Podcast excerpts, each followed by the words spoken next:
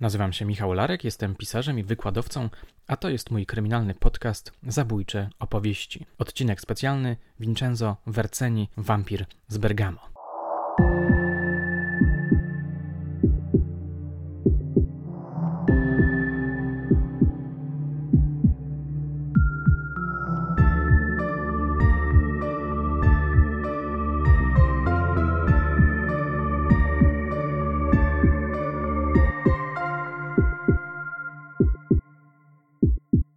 Ostatnio opowiadałem wam o niezwykle ciekawej książce Kazimierza Raczyńskiego z 1927 roku zatytułowanej Z tajemnic kryminologa.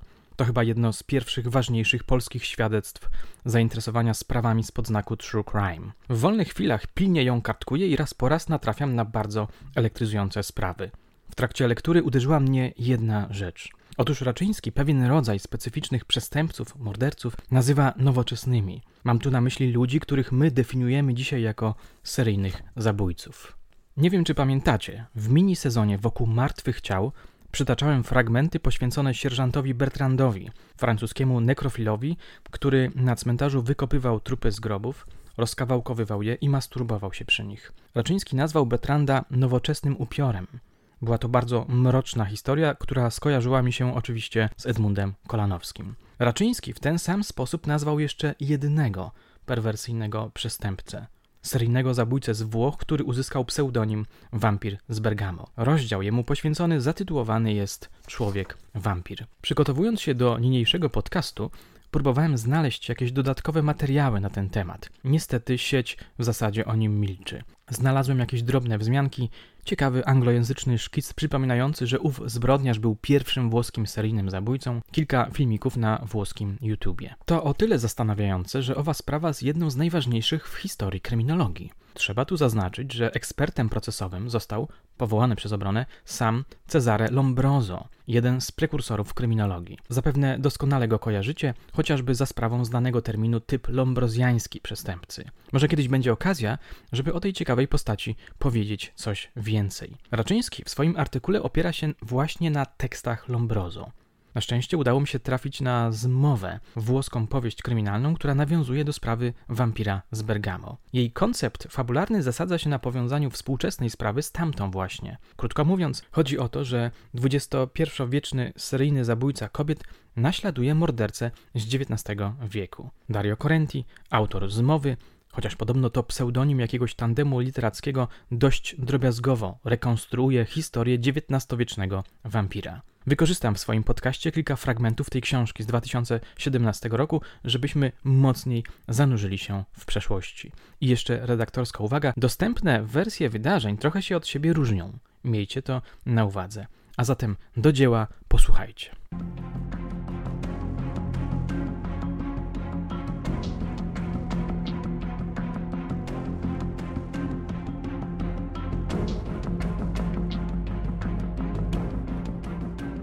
Tym razem przenosimy się więc do Włoch. W okolice Bergamo jest 8 grudnia 1870 roku. Godzina między 7 a 8 rano. 14-letnia Giovanna Motta idzie do sąsiedniej wioski Suizio. W powieściowej wersji wyglądało to tak. Nagle słyszy jakiś dźwięk. Odwraca się, ale wszędzie wokół jest tylko mgła, z przodu i z tyłu, z prawej i z lewej strony. Rusza dalej, przyspiesza. Teraz jest już pewna, że słyszy kroki. Może to i lepiej. Bała się idąc całkiem pustą i cichą drogą. Unosi dłoń, by pozdrowić zbliżający się cień. Zna niemal wszystkich w Botanuco, choć wychowała się w Suizio. Kiedy jednak widzi, że to Vincenzo Verdzeni mina jej żednie, to dziwny człowiek. Cała jego rodzina jest dziwna. Tutaj robię y, cięcie, idę y, dalej. Ciało dziewczynki znaleziono po czterech dniach. Widok był przerażający. Lombroso, cytowany przez Raczyńskiego, tak to opisał. Trzewa i genitalia wyrwane z rozpłatanego brzucha leżały tuż obok ciała.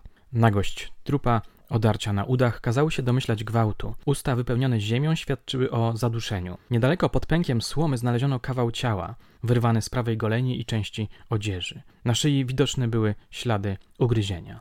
27 sierpnia 1872 roku sprawca uderza ponownie.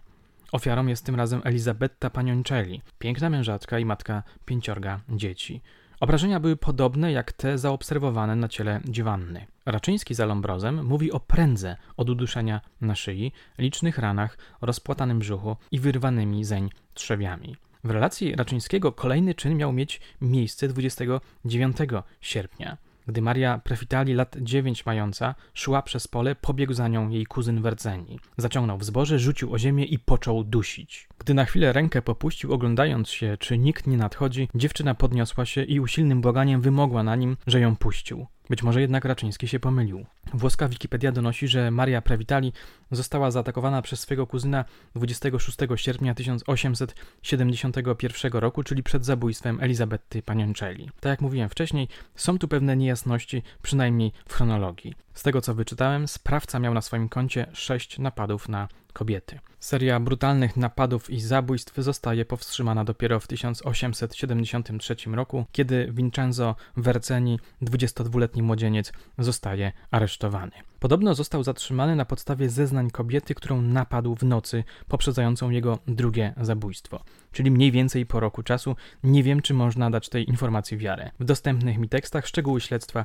nie są podane. No cóż, nie są one tak interesujące i poruszające jak szczegóły zbrodni, które ujawnił Werceni. Kiedy czytałem fragmenty jego szokujących opowieści, miałem wrażenie, że oglądam zwiastun takich telewizyjnych widowisk kryminalnych jak na przykład Mindhunter, czyli serial o początkach profilowania. Akta tej sprawy to jeden z pierwszych dokumentów dający wgląd w umysł mordercy, który czerpie przyjemność z zabijania.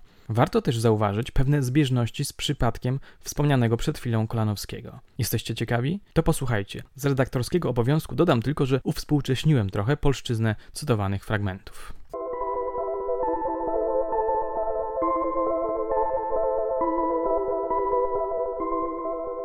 Wreszcie przyznał się do swych zbrodni i podaje ich pobudki, pisze Lombroso, cytowany przez Raczyńskiego. Sprawiały mu one nieopisane, przyjemne, lubieżne uczucie, któremu towarzyszyły erekcje i odpływy nasienia. Jak tylko dotknął się szyi swych ofiar, budziły się w nim poczucia płciowe. Było mu przy tym całkiem obojętne, czy kobiety były młode lub stare, ładne lub brzydkie. Zwykle już proste duszenie zaspokajało go i wtedy pozostawiał ofiary swoje przy życiu. W dwóch przypadkach zaspokojenie płciowe opóźniało się i dlatego ściskał swe ofiary za gardło aż do śmierci. Przy takiej garocie zaspokojenie płciowe było większe niż przy samogwałcie. Zdarcie na skórka na udach Motty powstało od ucisku jego zębów, kiedy z wielką rozkoszą krew jej wysysał. Kawał jej goleni tym sposobem wyssany zabrał ze sobą, aby go w domu upiec, ale po drodze schował pod słomę z obawy, aby matka nie dostrzegła jego sprawek. Zabrał też odzienie i część trzewi brzusznych, bo mu to sprawiało wielką rozkosz, gdy je mógł dotykać i wąchać. W chwilach tak rozbestwionej lubieżności posiadał siłę ogromną. Nigdy, powiada, nie był obłąkanym. Przy wykonywaniu swych uczynków nic wokoło siebie nie widział. Później bywało mu zawsze bardzo miło, doznawał wielkiego uczucia zadowolenia. Wyrzutów sumienia nie miewał nigdy. Nie przychodziło mu też nigdy na myśl dotykać części płciowych duszonych przez siebie kobiet, a tym bardziej nie gwałcił ich nigdy, wystarczało mu zupełnie, gdy je dusił i mógł wysysać krew. Muszę przyznać, że Lombroso przypomina mi trochę agenta Holdena Forda z Mindhuntera. Obydwaj wsłuchiwali się przecież uważnie w perwersyjne, szokujące opowieści zabójców i próbowali przekształcić je w wiedzę, dzięki której można by zrozumieć sposób myślenia owych zabójców. Zarówno Forda, jak i Lombroza uderzał brak motywu. Obydwaj również uważali, że ten typ zabójcy to swoista nowość, mówiąca coś ważnego o ich współczesności. To są doprawdy intrygujące zbieżności. Rzeczy samej zdaje się, że to, co ten nowoczesny upiór o sobie opowiadał, było prawdziwe. Kontynuuje swój wywód Lombrozo. Prawidłowe popędy płciowe, zdaje się, były mu całkiem obce. Dwie kochanki, które miał, oglądał tylko, a nawet sam się dziwił, że nie odczuwał wobec nich żądzy duszenia lub zgniatania im rąk, ale też nie doznawał z nimi tej rozkoszy, jakiej dostarczały mu jego duszone ofiary. Nie dostrzeżono w nim ani śladu skruchy, żalu lub w ogóle uczuć moralnych. Mówił tylko sam, że byłoby bardzo pożądane, aby pozostał w więzieniu, gdyż na swobodzie nie zdołałby się pewnie oprzeć owej krwiożerczej żądzy. Jak widzimy, tak zarysowana sylwetka Werceniego przypomina sylwetki współczesnych seryjnych zabójców. Przytoczę jeszcze jeden fragment, w którym wampir z Bergamo opisuje swoistą mechanikę pozyskiwania przyjemności. Doznawałem niewypowiedzianej rozkoszy, gdy dusiłem kobiety. Czułem przy tym erekcję i prawdziwe lubieżne podrażnienie.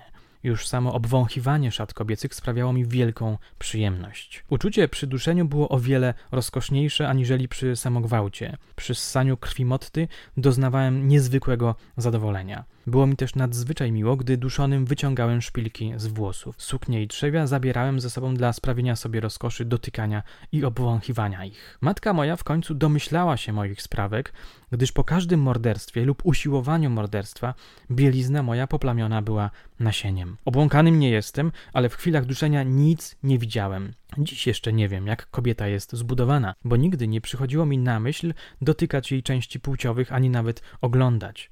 Podczas duszenia przyciskałem się do całego ciała ofiary, nie zwracając szczególniejszej uwagi na którąkolwiek część. Lombroso dopowiada jeszcze, że Werceni w wieku 12 lat zorientował się, że przy duszeniu drobiu doznaje intensywnej rozkoszy. W związku z tym zabijał wielką liczbę kurcząt, mówiąc potem matce, że to kuna zakradła się do kurnika. Jak doskonale wiemy, w biografiach seryjnych zabójców często pojawia się motyw dręczenia zwierząt.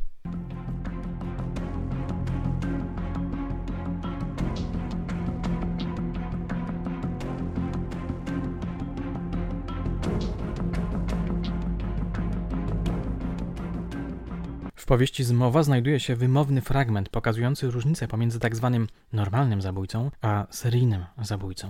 Posłuchajcie. Słyszał pan kiedyś o Vincenzie Vercenim? Był to pierwszy seryjny morderca w historii Włoch, a właściwie nie do końca.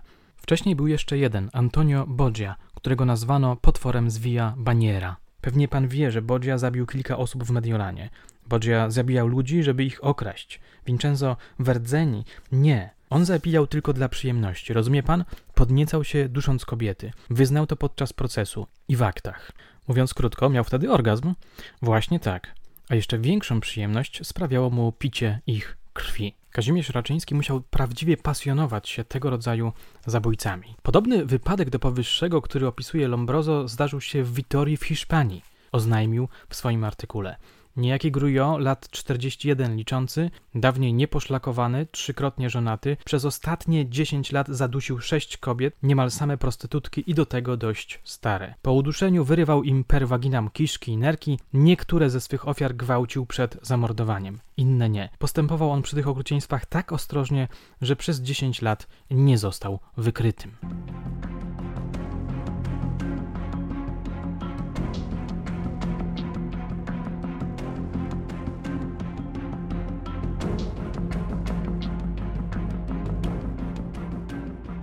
Jak przebiegł proces Wercyniego? Jego opis znajdziecie w przywoływanej już przeze mnie zmowie Korentiego. Niestety nie umiem powiedzieć, gdzie dokładnie przebiega tam granica pomiędzy faktami a wyobraźnią pisarską. Czytając rekonstrukcję procesu, w którym ważną rolę odegrał Lombroso, pomyślałem sobie, że zapewne prędzej czy później powstanie film albo wręcz serial o tym słynnym kryminologu. Według powieści ten szalenie emocjonujący proces rozpoczął się 19 marca 1873 roku. 9 kwietnia 1873 roku sąd ogłosił wyrok. Tak to zostało przedstawione w zmowie. Posłuchajcie.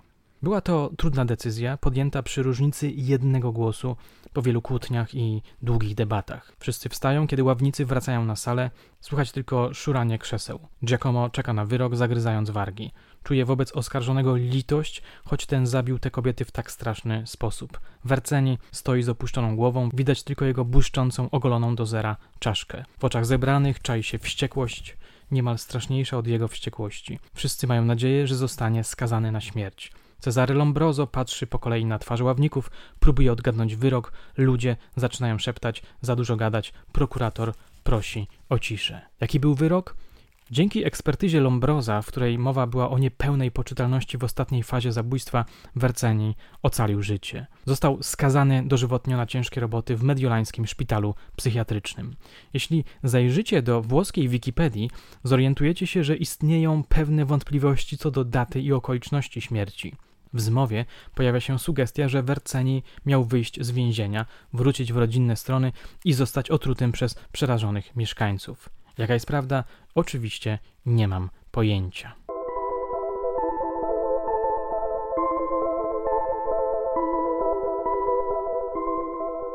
A na dzisiaj to wszystko. Mam nadzieję, że ta niespodziewana wycieczka w przeszłość zaintrygowała Was. Chciałbym częściej organizować takie wypady w czasie. Oczywiście zachęcam do lajkowania, komentowania oraz subskrybowania mojego kanału, a także do śledzenia moich poczynań na Facebooku i Instagramie. Jeśli chcecie być na bieżąco z moją działalnością, to tam znajdziecie aktualne informacje. Do usłyszenia.